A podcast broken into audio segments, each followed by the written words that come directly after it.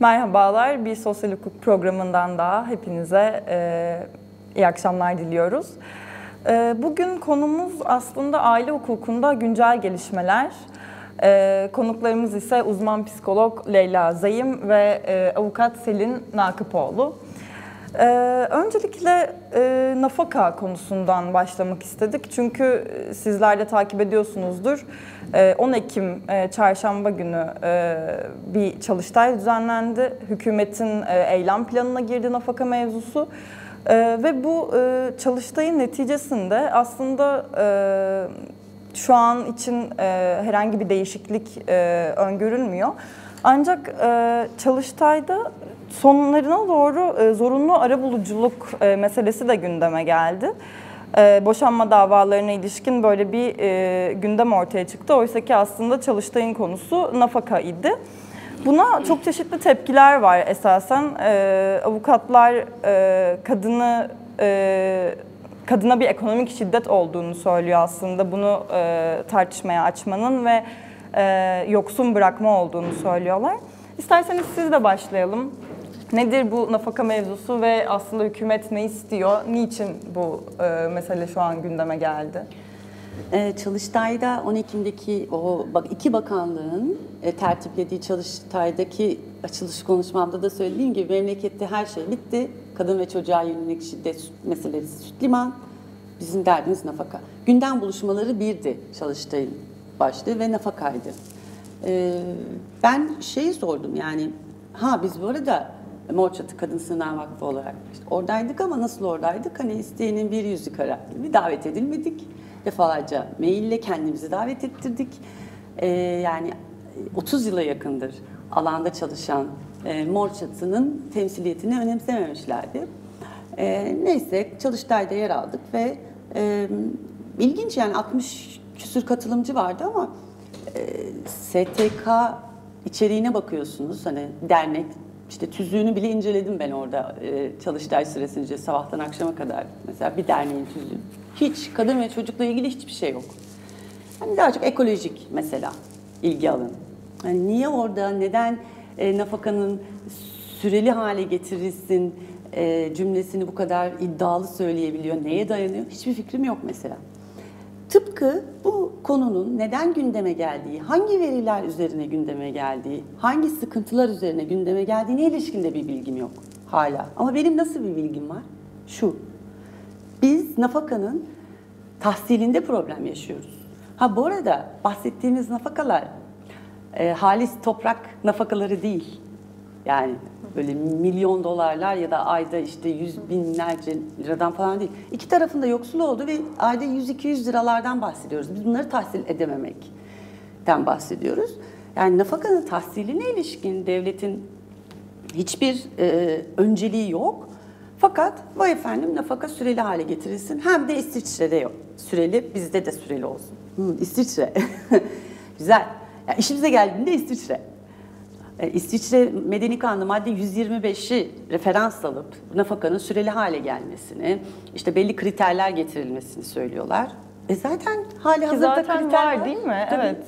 Yani e, onun gelir durumuna bakılıyor. Daha sonra evlendiğinde zaten başka koşullar oluşuyor ki hakime bir takdir payı veriliyor. Dolayısıyla aslında e, lanse edilmeye çalışılan sanki e, ki bu kadın üzerinden yürütülüyor ama zaten kanun maddesinde kadına nafaka verilmesi değil bu. Karşılıklı olarak bir erkek e, erkeğe de nafaka verilebilir. Ama bu sadece bir kadın meselesiymiş gibi. E, sanki maddi durumu inanılmaz iyi olsa da bu nafaka bağlanabilirmiş gibi lanse ediliyor aslında değil mi? Madde 174 Medeni Kanunu 175 ve 176 cinsiyet içeren maddeler değil. Kadınlar faydalanır demiyor. Erkekler de tabii ki. Yani bunun bir cinsiyeti yok. Keza 176'da çok ciddi e, kısıtlama ve kaldırma hallerinden bahsediyor. Yani biz zaten o o kısıtlama hallerinin ne kadar cinsiyetçi olduğunu söylerken karşımıza bu iddialar çıktı. Şunu kastediyorum. E, ben e, nafaka yükümlüsü, nafaka ödediği kişiye, kadın, erkek, e, haysiyetsiz bir hayat sürdüğünü ispat ederse nafakanın kaldırılmasına karar verilebiliyor. Bu o kadar kolay ki. E zaten biz karşımıza gelen erkekler var. Hani sahte raporlar, E, Sağlığım çok kötü çalışamıyorum. Araba kullanamıyorum. Biz bayağı dedektif gibi araba kullandığını fotoğraflıyoruz. İşte yani e, zaten o 176'yı tüm e, noktalarında gevşetmeye çalışmalarıyla aslında mücadele ederken bir yandan da karşımıza şöyle görseller çıktı. Ee, alışveriş merkezinde yan gelip yatıyorum. Yok pardon evde yan gelip yatıyorum. Bütün gün alışveriş merkezinde dolaşıyorum. Oh nafakayı ödesin eski kocam. Böyle görseller var yani. Ee, nasıl bir manipülasyondur bu? 2000 kişi dediniz bir anda bu nafaka mağdur sayısı 2 milyona yükseldi böyle bir, birkaç gün içinde falan. Hangi veriye dayanarak söylüyorsunuz? Hangi araştırmanız var? Bizim ama elimizde araştırmalar var. TÜİK'in araştırmaları var. Ee, ne gibi araştırmalar var? Kadının nasıl bir ekonomik şiddete maruz kaldığına ilişkin araştırmalar var. Yani SEDAV, uluslararası iki sözleşmemiz var. SEDAV ve İstanbul Sözleşmesi. Onların hiçbirinin dikkate alınmadığına dair elimizde veriler var. Ekonomik şiddet derken neyi kastediyorum? Genç bir kadın, evli, başvuruyor bir şirkete. Çocuk yapabilirsin deyip onu işe almama gerekçe gösterebiliyor. Bunu ben bizzat yaşadım. Genç, daha bir senelik bir avukatken Alman menşeli bir şirkette e, her şey işte elen, elemeler, görüşme bitti. Ben kaldım. Tek benim şeyime takıldılar. Bir buçuk senelik evli olmama mesela. Ve e, işte Almanya'ya şikayet ettiğimi hatırlıyorum yani cinsiyetçi bir uygulama sebebiyle. Başka bir sebep göstermediler bana mesela.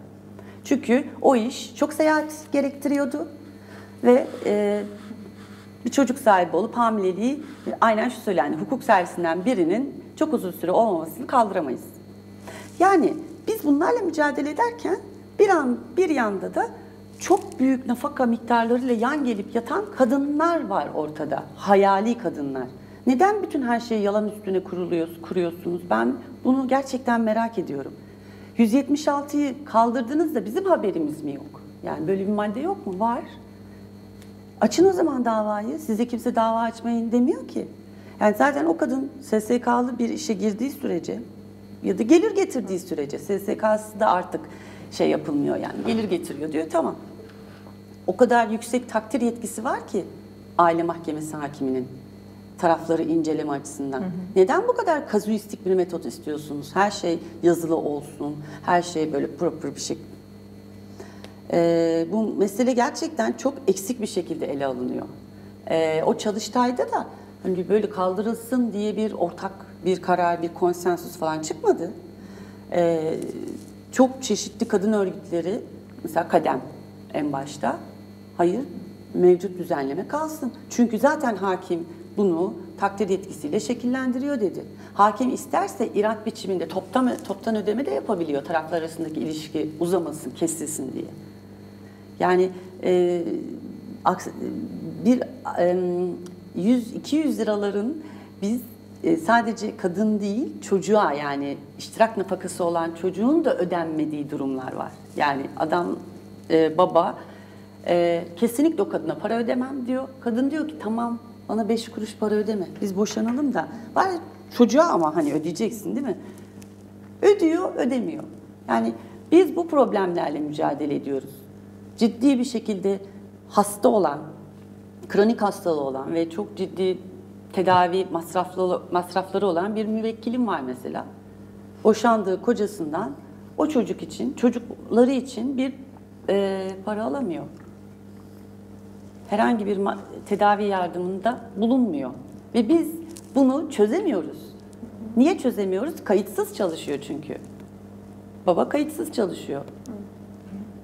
Bir de Türkiye gibi bir ülkede zaten kadınların e, boşanması hala istisna görülürken ve kadınlar boşandığı zaman e, toplumda ayrımcılığa uğrarken e, belki işte şiddet şiddete maruz kalan kadınlar ya da e, evlilik birliği içerisinde hani kötü muameleye maruz kalan kadınlar bu e, nafaka uygulaması sebebiyle e, en azından onlara bir güvence e, oluşturuyor. Bu yani boşanma kararı e, alırlarsa e, gerçi siz uygulamadaki e, şeylere yer ve, e, verdiğiniz konuşmanızda e, tahsilatın yapılamamasına ilişkin ama hani bunu da aslında elinden almış oluyoruz. Eğer e, biz burada bir düzenlemeye ya da kaldırmaya gidersek değil mi? Kesinlikle. Cumartesi günü Ankara Barosu'nun nafaka konulu çalıştayındaydım ve orada bir hakim dedi ki e, yok bir avukat dedi ama hani aile hukuku ile uğraşan zaten hakimler bu konuşmalar şeylerden sonra bu basında çıkan haberlerden sonra nafaka miktarlarında ciddi bir düşüş var. Yani şu hukukundan beter duruma geldi olay. Şu anda yasa değişikliği yok. Ee, olmaması için de tüm mücadeleyi vereceğiz. Bu, bu böyle kesinlikle geçmemeli çünkü. Ama zaten öyle bir mesele dillendirildi, öyle bir yani yayıldı ki toplumda e, kadınlar böyle arayıp işte baroyu falan şey mi yani nafaka ne oldu alamıyor muyuz artık? Çünkü o şiddet gördüğü evden çıkamama sebebi oluyor. Gerçekten boşanmalarını engellemek için yapılan bir hamledir bu. Bu çok net. Çünkü zaten 2014 ile 2018 arası boşanmanın sebeplerini araştırma, işte boşanma sebeplerinin ne olduğunu ve ailenin bekasını sürdürme komisyonu, komisyon değil sanırım ama böyle bir çalışması var Aile Bakanlığı'nın. E, ve burada yani hep böyle neden boşanma sayıları artıyor? Buna verdikleri mesaiyi neden bu kadar çocuk ve kadın şiddet görüyor? Cinsel, fiziki hayatlarından, e, hayatları ellerinden alıyor. Buna bu kadar biraz daha harcasalar, bir veri tutsalar yani 2014 hmm, Ağustos'undan beri yürürlükte olan hakikaten müthiş bir metnimiz var. O yüzden bu kadar söylüyoruz. İstanbul Sözleşmesi ve biz ilk imzacısıyız. Ciddi de o dönemin Aile Bakanlığı bunun reklamını yaptı. Hı hı. Sadece bir web sitesi kurdu ilk imzacısı olduğuna dair. Hakikaten çok naif, naifim herhalde ki ben de bayağı ümitlendim o dönem. Oh ne güzel yürürlüğe girecek işte çeşitli davalarda sözleşmenin ilgili maddelerin fotokopisiyle aile mahkemesi hakimlerine sunuyoruz falan bayağı mücadele ediyoruz. Yani bir e, girişim yok ki anayasa madde 90 var yani usulüne göre konulmuş e, uluslararası sözleşme kanun hükmünde diyor. Ona rağmen hiçbir şey yok. Bu ne sözleşmesi? Nereden? Aman avukat hanım başımıza iş çıkarmayın. Meseleye böyle bakılıyor. Yani orada diyor ki İstanbul Sözleşmesi siz veri toplayacaksınız. Siz bu şiddetle mücadele etmek istiyorsanız elinizde bilgi olacak. Kim, kime, ne zaman, ne şekilde, neden, hangi gerekçe söyleyerek gibi gibi arttırabiliriz. Siz bir verisiz nasıl problemi çözmeyi düşünüyorsunuz? O yüzden çözemiyoruz. Sürekli başa dönüyoruz. Sürekli başa dönüyoruz. Her bir konuda bu, bu Özgecan Aslan olur, bu Münevver Karabulut olur, olmasın başka bir isim olur. Her yeni konuda Amerika'yı yeniden keşfediyoruz. Sanki hiç yasalarımızdaki maddeler yeterli değilmiş gibi bence gayet iş görüyor. Ve cezalar az da değil. Yani az da değil. Ee, arttırılsın, yok adım gelsin, yok idam gelsin, yok işte e, indirimler kaldırılsın. Niye indirimler kaldırılıyor? İndirimler düzgün uygulansın. Kravat takana indirim, kravat taktı diye indirim uygulanmasın. Saygın tutum indirimi diye Diyarbakır 2. Ağır Ceza Mahkemesi Kasım 2015'te bir indirim türü üretti. Sanki mahkemelere saygılı olmak e, zaten yasa emri değilmiş gibi. Saygın tutum indirimi diye bir indirim uydurmasın. Yani hakim takdiri indirimlerini, TCK 61-62'deki indirimlerini uygularken lütfen düşünsün. Bir değil, iki değil düşünsün yani. Bunlarla uğraşmak gerekiyor ama biz her olayda büyük bir feveran gene meselenin özünden çıkıp haydi başa haydi başa bir gıdım ilerleme yok. Evet. Bu biraz önce bahsettiğiniz e, arabuluculuk mevzuna aslında ben dönmek istiyorum. E, çünkü İstanbul Sözleşmesi'nden söz ettiniz ve e, hükümet bu sizin de e, katıldığınız çalıştayda aslında İstanbul Sözleşmesi'nden yakınarak e, İstanbul Sözleşmesi'nin şiddeti e, çok kapsamlı tanımladığını ve e, şiddetle biten boşanmalarda e, arabuluculuğun söz konusu olamayacağını e, ifade ederek aslında şiddetin bu kadar geniş kapsamlı olmaması yani hem ekonomik şiddet olmasın hem işte psikolojik şiddet olmasın cı bir tavrı var. Dolayısıyla bu yorumları nasıl buluyorsunuz? Yani sizce manidar mı bu çalıştayın sonunda böyle bir yere bağlanması? Çünkü çalıştay nafaka ile alakalı bir çalıştay. E, dert büyük İstanbul Sözleşmesi'ni imzalamakla pişmanlık duyulduğunu düşünmüyor, düşünüyorum artık yani. Evet. Sözleşmenin getirdiği yükümlülükler, sözleşme maddelerinden rahatsızlık var. Kesinlikle e, bu kadar yok sayılmasının, hayalet sözleşme olarak sayılmasının da herhalde açıklaması da bu.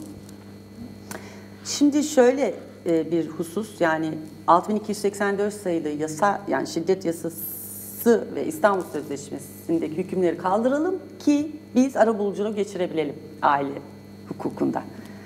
Çünkü aksi kanun ve sözleşme işte aykırı olacak. Nasıl olacak? Bilmiyorum. Göreceğiz. Peki yani mücadele edeceğiz diyorum ben sürekli. Çünkü aile hukukunda ara bulucuya kesinlikle ve kesinlikle karşıyım. Ee, buna ilişkin hani ama şöyle olsun böyle olsun herhangi bir bir pazarlık herhangi bir konuşma zeminine bile karşıyım. Çok açık çünkü. Çünkü bu kadar açık e, olmasının sebebi zaten yasaların bunu öngörüp zaten düzenlemiş olması. Bu kadar yüksek şiddet oranı varken bir ülkede anlaşmalı e, boşanmaların sayısına bir bakalım o zaman. Biraz veriyle konuşalım lütfen yani Adalet Bakanlığı veri getirsin bize. Anlaşmalı boşanma sayısı ne? Çekişmeli boşanma sayısı ne? Boşanma sebepleri ne? Şiddet meselesi ne? Verilen darp raporları ne? Ee, ya da boşanma davasıyla birlikte kaç koruma kararı istenmiş? Paralel olarak e, basit yaralamadan kaç e, suç duyurusunda bulunulmuş? Bir sürü değil mi incelenecek husus var. Ya bize veri verin önce yani bize bilgileri verin. Deyin ki durum bu. Sonra konuşalım. Bunlar olmadan ben arabuluculuk, aile hukukunda gelmesine kesinlikle ve kesinlikle karşıyım. Çünkü e, bu kadınların boşanmaması hususunda da yapılmış bir zaten hamle. Aile irşat bürolarında kurulan aile 2017'den beri kurulan aile irşat büroları adına Diyanet Bakan İşleri Bakanlığı'nın e, bünyesinde ve burada boşanmayı engelleyici işte fetva, konuşma neyse işte bu tür konuşmalar var. Yani hep bir boşanmanın şeytani halinden bahsedilmesi çok popüler. Fakat günde beş kadın, altı kadın ne kadar abartıyorsunuz? Neye göre? Neye göre çıkartıyoruz? Fatma Kurtulan zamanında bir soru, önergesi istedi. Mecliste 2009. 2009 yılında dedi ki yani 2009 yılının ilk 10 bir ayında öldürülen ve kadın ve çocukların sayısında işte orada bir veri var elimizde biz hala o günden beri kendimize göre onu güncelliyoruz. Biyanet bir çet çetele tutuyor. Ben kendim bile bir çetele tutuyorum yani. El yordamıyla yapılıyor. O yüzden neye göre biliyorsunuz denilse biz kendi verilerimize göre biliyoruz. TÜİK'in verileri de e, çok iyi olmasa da e, şey görüyor, iş görüyor. Hı hı. Hacettepe Üniversitesi'nden de e, gelen veriler var. Oradaki kadına e, araştırma enstitüsünün verileri var. E, kendi yordamımızla bir şeyler çıkarıyoruz ortaya. O yüzden arı buluculuk meselesine de karşı olmamızın gerekçeleri var. Ee, peki Leyla Hanım siz e, bu hükümetin tavrını nasıl değerlendiriyorsunuz? Sizce e, nafakada bir değişiklik olursa bunun çocuğa özellikle sizin de uzmanlık alanınız e, yansıması nasıl olur? Yani şöyle daha e, hani hem boşanma ve çocuk üzerinden e, ele alabilirim e, bu konuyu. E, Şimdi zaten boşanmada aslında e, ebeveynler arasında özellikle çatışma olduğunda çocukların bu durumdan psikolojik olarak çok olumsuz etkilendiklerini e, biliyoruz. E, boşanma e, bir değişim içerdiği için aslında bir stres faktörü de içeriyor. E, dolayısıyla aslında ekonomik değişim de e, çocukların duygusal süreçlerini etkileyebiliyor. Bunu biliyoruz. E, çünkü genelde e, anneyle e, kalabiliyor e, çocuk. Yani velayeti alan e, kişi genelde anne oluyor, bazen baba olabiliyor ama dolayısıyla bu annenin üzerinde bir hem maddi bir e, sorumluluk ve yük olabiliyor. Çünkü işte çocuğun bütün sorumluluğu tabii ki baba da paylaşıyor ama hani daha çok anne paylaştığı için duygusal olarak zorlanabiliyor ve ekonomik olarak da zorlanabiliyor. İşte örneğin çocuk belki gittiği e, okulu değiştirmek durumunda kalabiliyor, belki evini değiştirmek durumunda kalıyor e, çünkü e, maddi olarak zorlanabiliyorsa. Dolayısıyla aslında e, nafaka e, çocuğun değişime daha kolay adapte olmasını, dolayısıyla da psikolojik olarak e, daha az etkileniyor olmasına e, yol açtığı için e, önemli bir e, destekleyici faktör oluyor çocuk için. Anne için de oluyor. Anne için oluyor olması da yine aslında e, çocuğu etkiliyor. Çünkü annenin ekonomik koşullarının e, aynı kalabiliyor olması, e, duygusal olarak daha e, güvencede ve daha iyi hissetmesine yol açtığı için e, çocuğuna da e, daha sağlıklı ebeveynlik e, yapmasına e, destekleyici bir faktör oluyor. Yani dolayısıyla aslında nafaka e, dolaylı olarak, direkt olarak da çocuğun gündelik hayatını da aslında etkileyebileceği için e, çocuk açısından önemli. Bir e, diğer mevzu aslında ortak velayet mevzusu. E, ortak velayette e, aslında yakın zamanda epeyce gündem oldu. E, bu gündem e, olmasının sebebi Yargıtay 2. Hukuk Dairesi'nin e, verdiği aslında karar. E, ortak velayet hakkında e, ne düşünüyorsunuz? Yani e, bizim e, Türk Medeni Kanun, Kanunumuzun e, 339. maddesine göre aslında e, ortak velayet öngörülmemiş. Ya anaya ya da e, babaya bırakılması öngörülmüş kanunda. Ve ortak velayet aslında yakın bir zamana kadar kamu e, düzenine aykırılık e, olarak addedilmiş. E, ancak bu karar ve sonrasındaki etkileri e, sizce neler? Bu karar e, ilk karar yanlış hatırlamıyorsam Didim'de bir aile mahkemesi tarafından verildi. İki tarafta anne baba da e, İngiliz, İngiliz, evet. uyruklu vatandaşıydı ve e, işte çocuğun ülke dışına çıkarılması, uzun süre göremeyecek olması, elzem kararlar gibi gibi. E, sonra ikinci hukuk dairesi başkanı Facebook'ta epey bir açıklama yapıyormuş. Ben de onun için Facebook hesabı bile açmayı düşünüyorum. Bayağı ciddi açıklamaları var yani bizim e, ilk elden duyduğumuz şeyler oluyor ve orada öğrendim ki öğrendik o zaman herhalde ne zamanda Ocak 2017 mi? 2017 evet. Evet. Ya, Yani bir sene önce e, böyle bir e, ortak velayet asıldır. Velayetin eşlerden birine verilmesi istisna olanıdır gibi. Hani hakikaten 20 Şubat'mış evet. ha bu 20 Şubat 2017. Ha o zaman şöyle demek ki önce hesabında yayınladı sonra karar çıktı, çıktı falan. Şimdi bu çekişmeli boşanma davaları için nasıl olacak diye tabii ki kafada büyük bir soru işareti var. Yani zaten anlaşmalı boşanma davalarında her ne kadar bir tarafa velayet veriliyor olsa da pratikte ortak velayet gibi bir uygulama var. Fiili kararlar gibi mesela ya da ne bileyim bir günü pazartesi çarşamba anne de işte çarşambadan pazara kadar cumartesi kadar babada gibi kendi aralarında zaten taraflar e, böyle hani hakimin verdiği 15 günde bir hafta sonu velayete sahip olmayan babada gibi uygulamıyorlar. Bayağı e, bir kendi içlerinde bir dönüşüm, bir işbirliği halinde uyguluyorlar zaten. E, ama faydaları tabii ki vardır. Keşke yani çocuğun yüksek yararını düşünüp taraflar hareket ediyorsak zaten buna bir kimsenin herhalde çok bir itirazı olmaz. Ama e, gelecekte olumsuz yönlerinin ortaya çıkabileceğine ilişkin tabii ki soru işaretleri var. Çünkü görüyoruz yani çekişmeli boşanma davalarında tarafların nasıl çocuğu böyle çok amiyane mal gibi e, çekiştirip kullandığını, kullanmaya çalıştığını, hiç çocuğun psikolojisine dair bir e, önceliğinin olmadığını, e, yani o sebeple ortak velayet e, diyelim problem oldu. Ne olacak? Velayeti isteyecek bir taraf. Sonra o çocuğun psikolojisi açısından nasıl olacak? Yani diyelim götüremediler. Hayır ben kendim istiyorum velayeti. Yani karar değişikliği olur. Karar değişikliği çerçevesinde değil mi? Yani şu anda tamamen sesli düşünüyorum. Çünkü nasıl olduğunu biz de bilmiyoruz daha. Evet. Çok Evet, uygulaması herhangi bir olmadığı için. uygulaması yok. Yani buradan ço- çocuğun üstün yararı düşünülürse e, biraz daha önlem alınması gerekiyor o zaman. Yani anne babanın inisiyatifine bırakmak evet ama kötü uygulamalara karşı nasıl bir şeyimiz var? Belki de o kültürün yerleşmesi için önemlidir bu adımlar. Yani hani Avrupa ülkelerine baktığımızda çünkü şu an Türkiye'de genelde anneye veriliyor ve e, genel anlamda babalar herhangi bir sorumluluk almıyorlar. Hukuken de e, zaten ben sorumlu değilim deyip e, işin içinden çıkıyorlar. Ancak Avrupa'da bu çok ciddi bir aslında yani mesela İsveç'i biliyorum ben.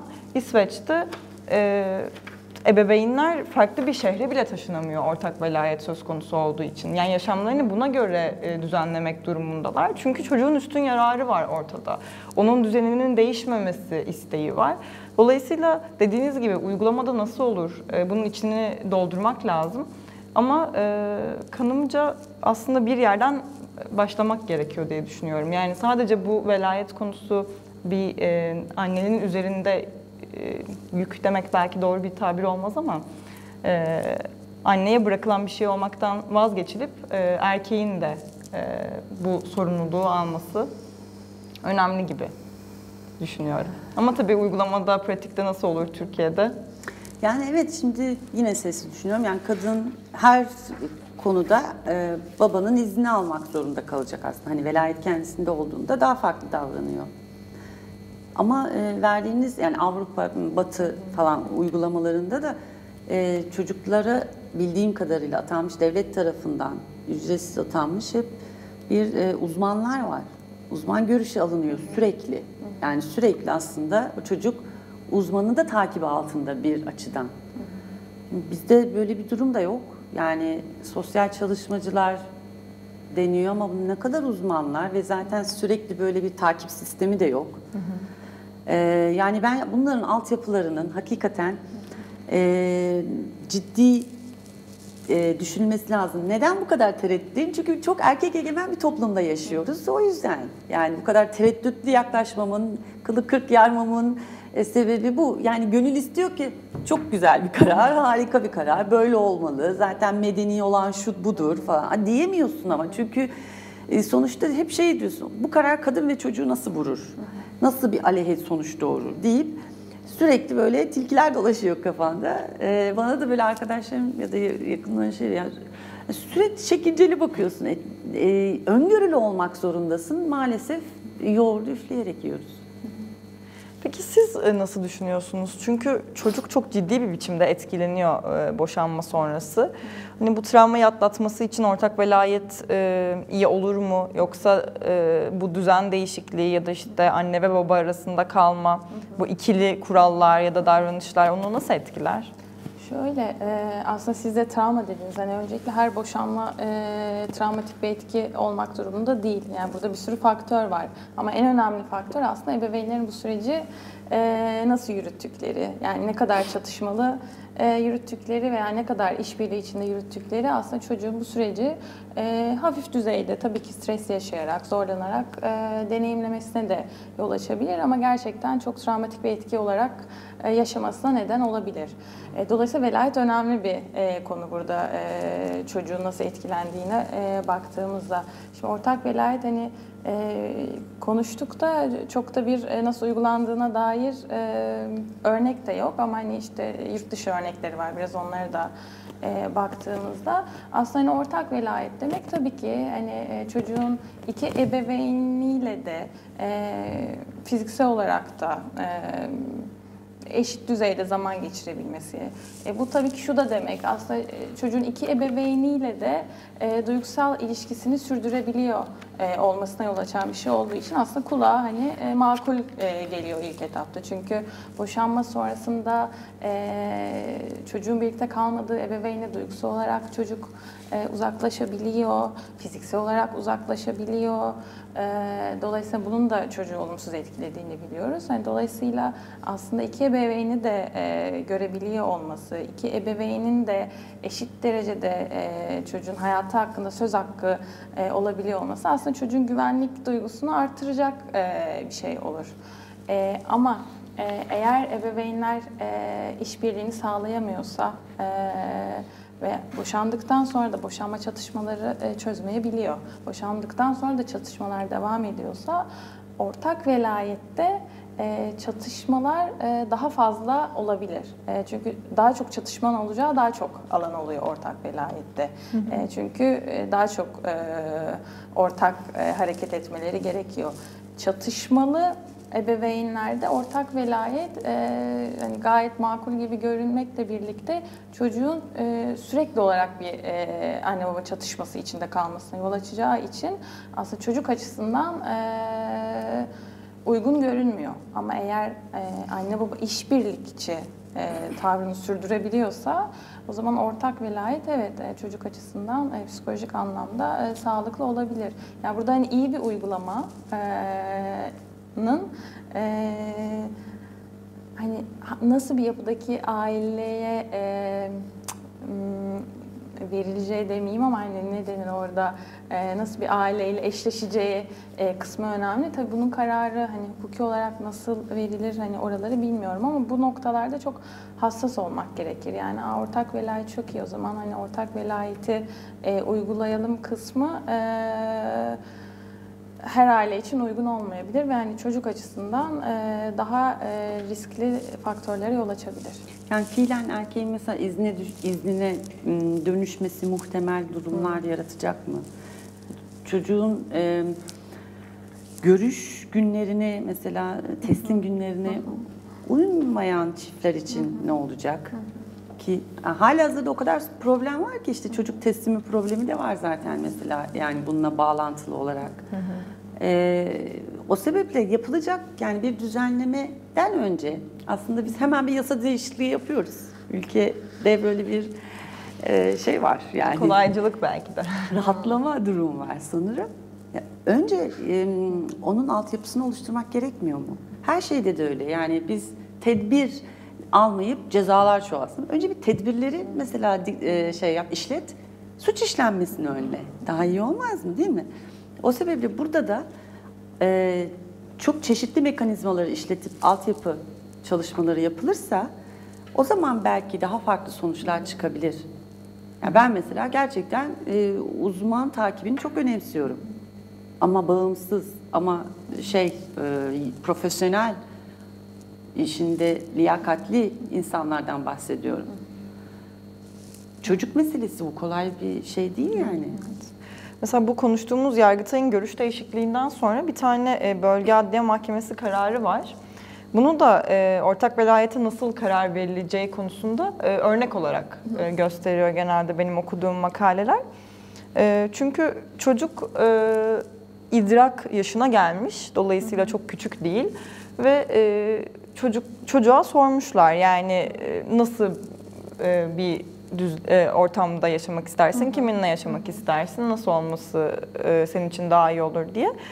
E, o da mesela annesinde babasında işte ikisini de çok sevdiğini, ikisiyle de e, işte sık görüşmek istediğini, e, aynı işte derecede görüş- görüşmek istediğini, e, herhangi bir tartışmalarını hatırlamadığını anne babasının, e, ikisinin de e, onunla davranışının çok iyi olduğundan söz etmiş. Mesela mahkeme bu kriterleri dikkate alarak burada bir ortak velayete hükmetmiş. Belki hem sizin dediğiniz gibi bunun e, kriteri aynı zamanda sizin de dediğiniz gibi hani aileden aileye zaten çok değişiklik gösteriyor. Hem bu e, ortak velayete karar verirken bunun kriterleri iyi konulmalı hem de sonrasında sizin dediğiniz çok önemli bence. E, bunun sonrasının takibi yapılmalı bağımsız e, uzmanlarca. Yani evet. Yani şimdi e, batıdaki örnekler örneklere ya da çeşitli yabancı kaynaklara baktığımızda bir şeyi görüyoruz. E, şiddet durumunda çok yüksek cezalandırma var. Yani hakikaten ebeveyn olma meselesi hiç kolay değil. Yani biraz Türkiye'de ebeveyn olmaya da herhalde biraz bakmak lazım değil mi? Bunun bir kitabı yok, bir şey yok böyle e, değil mi? Ama e, ne var? Yaptırımlar meselesi var. Yaptırımlarda da eğer siz uygulamasında iyi değilseniz e, taraflar rahat eder. Ama verdiğiniz ülkelerdeki ya da aklımıza gelen batı deyince ülkelerdeki ebeveynliğin e, ihlali, kötüye kullanılması durumundaki yaptırımları çok ağır. Bu da tabii ki aslında e, önemli bir şey. bir önemli. etken olarak karşımıza Tabii. çıkıyor. Evet. Yani çok çeşitli alanda düşünmek gerekiyor. Çocuk olduğunda özellikle mesela. Çok kısa bu çocuk teslimi meselesine de aslında değinirsek Hmm, evet. e, Evet, birazcık karışık bir konu ama şimdi Evet, zor evet zor bir konu. Yani kolay bir konu değil. Duygu, bir- duygu, duygu açısından da kolay bir konu değil. Değil, evet. Ya mağdur hakları kanun tasarısı e, henüz kanunlaşmadı bildiğim kadarıyla. Ancak burada çocuk teslimi madde 16'da düzenlenmiş. E, yine dediğiniz gibi muhtemelen e, yasayı yapalım ama sonrası çok da önemli değil e, düşüncesiyle hallolur düzenlenmiş. Evet. Aslında epey detaylı ve böyle bir üstten bakınca çok ideal bir şeymiş gibi gözüküyor. Çünkü, çünkü çocuk tesliminde hani icra marifetiyle işte icra memuru eşliğinde bir e, zorla teslim e, söz konusu varken hani burada tabii ki işte adli destek uzmanlarıyla birlikte işte psikologlarla vesaire bir e, sistem öngörülmüş. Hani böyle bu güzel geliyor ama hani bunun e, arkasında ne yatıyor? E, sizce uygulanabilirliği nasıl Türkiye'de? Hmm, Arkasında ne yatıyor konuşalım. tabii ki e, girmeden önce çıkışı şöyle olmuştu. O onu hatırlıyorum. Biz bu icra harcını ödemek zorunda mıyız? Her seferinde icra harcı ödüyoruz demişti bir kısım erkek. Hatırlıyorum böyle bir e, gazetede bir haber vardı. Yani şey değil gene de hani çocuk en, e, hasar alıyor, işte örseleniyor bu teslim bilmem ne falan değil. Hani yine icra harcı ne parayla ilgili bir şey çıkış çıkmış diye hatırlıyordum. Problemin çözülüş şekline evet odaklanmak lazım. Evet yani bu mal mı yani böyle icra marifete teslim ediyorsun değil mi? O zaman çocuk çocuğu zamanda teslim et. Hani ilk söyleyeceğiniz şey bu olmaz. Mahkeme kararına bir zahmet uy. Ee, bir kimseyi zorla aramak zorunda bırakma. Neredesin? Niye yoksun? Ev kapalı. Yani o kadar zor şeyler yaşanıyor ki. Hani bu Ali dizisi var diye. Evet hatırlıyorum. yani kaç davamız var öyle. Kaç dosyamız oldu. Yani hakikaten onlar e, gerçek şeyler. E, o bir kurgu değil. Hakikaten böyle bir e, dedektif gibi bir evi gözlediğimizi hatırlıyorum ben bir dosyada. Yani çünkü çocuğu sürekli oradan alıyor, oraya götürüyor falan. Hani e, çocuk ağlıyor, annem, annem görüyor mesela arabayla gidiyor, biz peşinden. Hani bunlar acayip yani hakikaten. Şimdi bunlardan bahsetmeyip pat icra harcı falan deyince benim böyle bana bir şey oluyor tabii yani neden hani diyor insan. Ama e, burada teslim merkezlerinden bahsediyor tasarıda. Yani şimdi teslim eden anne her hafta teslim merkezine mi gelecek? Yoksa problem olduğunda mı teslim merkezi devreye girecek? Çok hakim değilim. Benim bildiğim bir problem olduğunda yani şayet e, teslim edilmemişse başvuru üzerine e, Hı, bir Çocuk- ombudsman gibi orası değil mi halledecek? Evet yani çocuk e, kalan e, çocuğun kaldığı eve gidip hani teslim edin denilecek. Buna da uyulmazsa o zaman e, çocuk e, zorla bir nevi. Direnme halinde ne olacak? Taraflara bir plan hazırlanıyor. Ben hatırladığımı söyleyeyim. Taraflara bir plan hazırlanıyor, direnme hali ve bu tebliğ ediliyor. Uymama ha- hakları yok, yani buna itiraz hakları yok. Yargı yolu kapalı diye hatırlıyorum ben. Ee, ya epey oldu çünkü bu mesele önümüze getirileli. Daha sonra biz nafaka ve TCK 103'e daldık ama e, ve bir e, mahkeme yani yasa yolu kapalı buna ve 6 ay tazik hapsi var. Evet. Şimdi bu biraz süre uzun değil mi? Bir kere süre uzun bana göre ve yasa yolu açık değil. Kanun ilkesine de aykırı baktığınızda. Yani bu açıdan hukuki olarak bu ilk çırpıda eleştirilerim bunlar ama şu mesele de var bir de hani kim olursa yani eğitimci, psikolog, sosyal çalışmacı falan saymış. Biraz kim olursa hali de var.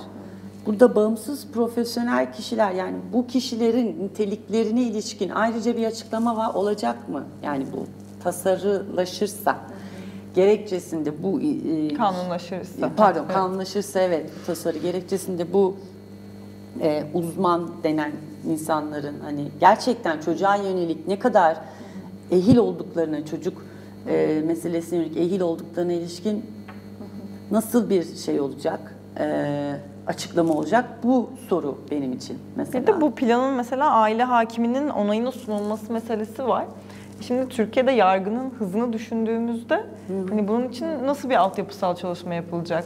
Nasıl işleyecek o süreç? Bu Ee, hangi karar için? 6 ay bu hapis. plan, e, bir plan hazırlanacak eğer bu yükümlülük yerine getirilmezse. Tamam. Bu plan aile e, hakiminin e, onayına sunulacak ve e, hazır olmayan taraflara tebliğ edilecek. Böyle diyor tasarıda. Çok çok acayip. Çok yani. uzun. Yani bu nasıl işler e, bu yargı sisteminde ben de çok Ağır öngöremiyorum. işler yani Evet.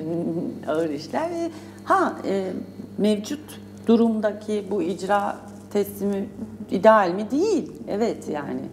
Evet yani bir takım iyileştirmelerin yapılması gerekiyor. Ama yine demin söylediğim gibi mesele çocuk çok boyutlu ve iyi bir şekilde zemin hazırlanarak bunun yapılması gerekiyor. Ee, yani teslim merkezleri meselesine ilişkin peki her il, ilçe, her mahkemenin olduğu yerde mi açılacak? Buna ilişkin Çocuğun oturduğu yer e, müdürlüğü diyor. Dolayısıyla aslında bu çok ciddi bir altyapı Evet. e, demek. Yani çünkü tasarıda çocuğun oturduğu yer adli destek ve mağdur hizmetleri müdürlüğüne başvurabilir. Ay önce bir pilotlar diyor. açılır emin olun. önce bir pilot uygulama bölgeleri. Onlar çok uzun süre pilot olarak kalır. Rakam Ee, yani bu da yani önce e, lütfen altyapı. Hani bu tasarı dursun, acelesi yok, değil mi? Evet bir sıkıntı var. e, Uymayan çünkü mahkeme kararına uymayan kişiler evet çocuk üstünde sıkıntı yaratıyor. Yani bunu söyleyelim. Yani biz hep çocuk odaklı bakıyorsak mahkeme kararına lütfen uyunuz anne babalar.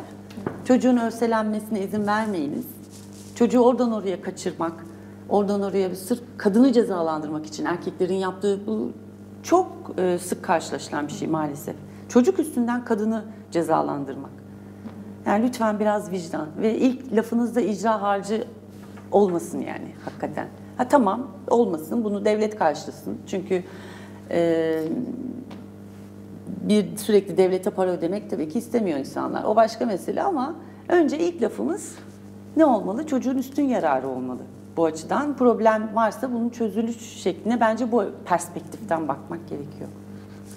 Siz e, ne düşünüyorsunuz acaba bu e, şey konusunda, çocuk teslim konusunda? Yani tabii ki aslında şu an bir ideal bir tasarıdan söz ediyoruz. Yani şu an aslında kanunlaşan herhangi bir şey yok. Şey, Ee, ama herhalde tabii ki icra marifetiyle, icra memuru eşliğinde bunu e, yapmaktansa diğer herhalde çocuğun daha m, psikolojisine iyi yönde etkide bulunabilir diye Burada da düşünüyorum ama. nasıl uygulanacağı kısmı çok önemli. Yani tabii ki çocuğun arada kalmayacağı, e, böyle bir çekişmenin içinde kalmayacağı bir teslim e, olmasıyla ilgili bir sistem olabilirse daha iyi olur ama hani yine hani nereden kaynaklı çıktı? Yani çocuğun yararı nasıl daha iyi e, olabilir e, düşüncesiyle bir taslak yapıldı kısmını hani e, konuşmak önemli olur.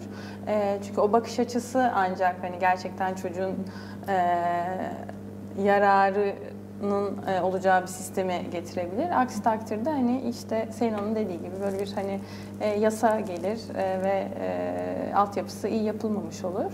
E, şu andaki sistemde evet hani tabii ki icra memuruyla hani teslimde e, çocuğun hani arada kalması, e, örselenmesi, hani bu arasındaki çatışmaya şahit olması gibi e, zorlayıcı bir e, sistem var. Ama burada şu yine de hani önemli olur bir hani uzmanla e, bu süreçlerin sürdürülüyor olması. Aslında sizin biraz önce söylediğiniz ortak e, velayette de işte çocuğa soruldu, e, işte kimle kalmak istersin vesaire. Aslında bu sorular da e, kim tarafından soruluyor, e, nasıl bir ortamda soruluyor, nerede soruluyor. E, bunlar çok önemli yani çünkü çocuğu anne babasının önünde örneğin e, kimle kalmak istersin diye sormak e, çocuk açısından e, hiç uygun bir soru değil. E, çok ciddi arada e, kalmasına yardımcı olan bir çocuk. Üstelik e, her yaş için böyle direkt bir soru da uygun bir soru değil. Yani bunun bir uzmanın çocukla ilişki kurduktan sonra güvenli bir ortamda, e, yaşı daha büyük çocuklar için hani bir noktasında direkt olabilir ama daha dolaylı yollarla e, çocuğu tanıdıktan sonra e, bunun cevabını e, edinebileceği e, bir e, görüşme sonrasında e, görüşünü bildireceği bir sistem e, olması e, daha uygun. E, işte işte anne babasının yanında çocuğa direkt hiçbir ilişki kurmadan bu sorunu sorması çocuk açısından hiç uygun değil. Aynı şekilde e, burada da bir hani e, teslimlerde mutlaka bir hani e, uzmanın yönlendirmesi e, çok önemli olur. Yani bir e, çocuk uzmanının e, orada uygun olan durumun ve davranışın ne olduğu ile ilgili yani çocuğun böyle bir çekiştirmeli e, arada kalıyor olması hiç uygun değil. Yani sistem ne olursa olsun aslında nasıl uygulandığı e, ve çocuğun gerçekten ihtiyaçlarının bilinerek, o ihtiyaçların gözetilerek uygulanması önemli. E, dediğiniz gibi hani uzmanların e, iyi netleştirilmesi, belirlenmesi, ne yapılacaklarının netleştirilmesi önemli. Yoksa e, sistem değişse de aslında e, sorunlar devam eder. Mesela mahkeme kararına uymayanlara ilişkin değil mi? Bir yaptırım meselesinin üzerine de düşünülebilir. Yani sistem üstünde değişiklik madem konuşuluyor. e, hakim belirliyor günleri. E, ve buna uyacaksın. Hani uyulmadı ve teslimler ona göre oluyor. E, yani arada kalan hep çocuk oluyor çünkü. E, o sebeple yani bu şey bir konu, bayağı sıkıntılı bir konu ve ve uzmanlarıyla yani çocuk meselesinde e, mağdur hakları hani hakikaten iyi çalışıyorlar mağdur hakları daire başkanlığı ve e, eminim ki bu, bu meseleyi daha tekrar e, tasarı gelirse çünkü durdu değil mi?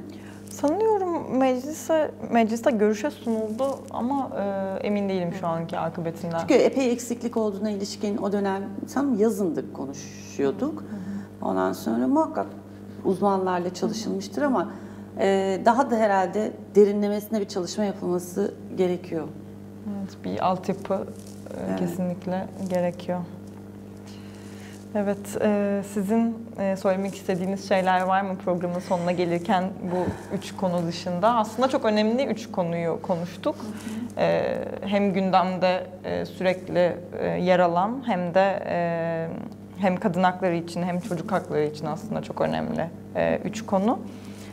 E, dolayısıyla sizin de eklemek istediğiniz bir şeyler varsa Ee, onlardan. Bu yayında belki başka bir yayında konuşuruz ama Türk Ceza Kanunu 103. maddesiyle ilgili bir çocukların cinsel istismar buna ilişkin bir yine 2016'da e, tasara e, olarak önümüze getirilmişti. Yine yasalaşma ile ilgili haberler var son iki gündür. E, bir o gündem var. Ama herhalde temel olarak sıkıntı şu ki biz kadınlarda yani sen eşit değilsin politikası kadın ve erkek olarak o kadar böyle bir e, devletin mekanizmalarına yayıldığını hissediyoruz. Toplumsal olarak e, cinsiyet eşitsizliğini pek çok yerde görüyoruz. E, hani bu ne bileyim bir devletin ulusal kanalında e, hamile kadının e, sokağa çıkmasının caiz olup olmadığını tartışıldığını duyuyoruz. İşte kreş desteklerinden bahsediyoruz. Nafaka e, süreli hale getirilsin diyor. Soruyoruz. E, tamam kadın çalışmıyor diyorsunuz. Çalışmak istiyor. Hani bu kreşler? Ücretsiz kreşler değil mi? Özel sektörü bile siz denetlemiyorsunuz. Ö- Veriyorlar cezayı bitiyor. Mesela ekonomik şiddetin bu hale getirildiği, geldiği noktaya ilişkin ne yapıyorsunuz diyoruz. Cevap yok. Ee, erkeklerin daha doğrusu sürekli kadınların nasıl yaşamaları gerektiğine ilişkin e, e, bürokratlardan beyanlar duyduğumuz zamanlarda hani bu kahkahamıza bile laf atılmıştı hatırlıyorsunuz. Evet. Yani hani böyle günlerden geçtiğimiz için politikalar olarak çok epey de geçiyoruz epey uzun yıllardır. Ee, tabii ki tedirginiz yani. Hakikaten tedirginiz çünkü işte o hal ilan edildi memlekette. İlk iş e, gündem çocuk derneği kapatıldı yani. Çocukla ilgili tek e, tüzüğünde sadece çocuk olan dernekti. Küllerinden yine doğar o dernek. Hiçbir şey olmaz. O kadar çalışkanlar ki ama e, bunu anlamıyoruz. Kadın dernekleri kapatıldı. İşte Van, Muş pek çok kadın derneği kapatıldı. İşte kayyumlar belediyelere geldi. İlk iş kadın merkezlerini kapatmak oldu mesela. Hani bu e, kadın erkek eşitliği meselesinde rakamlar da savaş rakamları gibi. Yani sevgili kadınlar hani bunda bir mübalağa yok yani. Hakikaten çok acayip rakamlar var. Şiddet rakamları. O yüzden evet kendimizi tabii ki tedirgin hissediyoruz, iyi hissetmiyoruz. Her yasa değişikliğinde de yapılacak her yasa değişikliğinde de geriye mi gidiyoruz? Haklarımızdan mı oluyoruz? Endişemiz var. O sebeple dokunulmasın noktasındayım ben. Mevcuda dokunulmasın, uygulamayla ilgilenilsin. Yani bir İstanbul Sözleşmesi'ni biz hakimlere anlatamadık. Hakikaten. Yani bunun bir eğitimi verilmedi çünkü Adalet Bakanlığı tarafından. Bu kadar üst metni bazı hakimler o kadar ilgilendi ki ya dedi böyle bir şey var ne kadar güzel iyi ki bilgilendik falan. Kararlarına geçirenler oldu.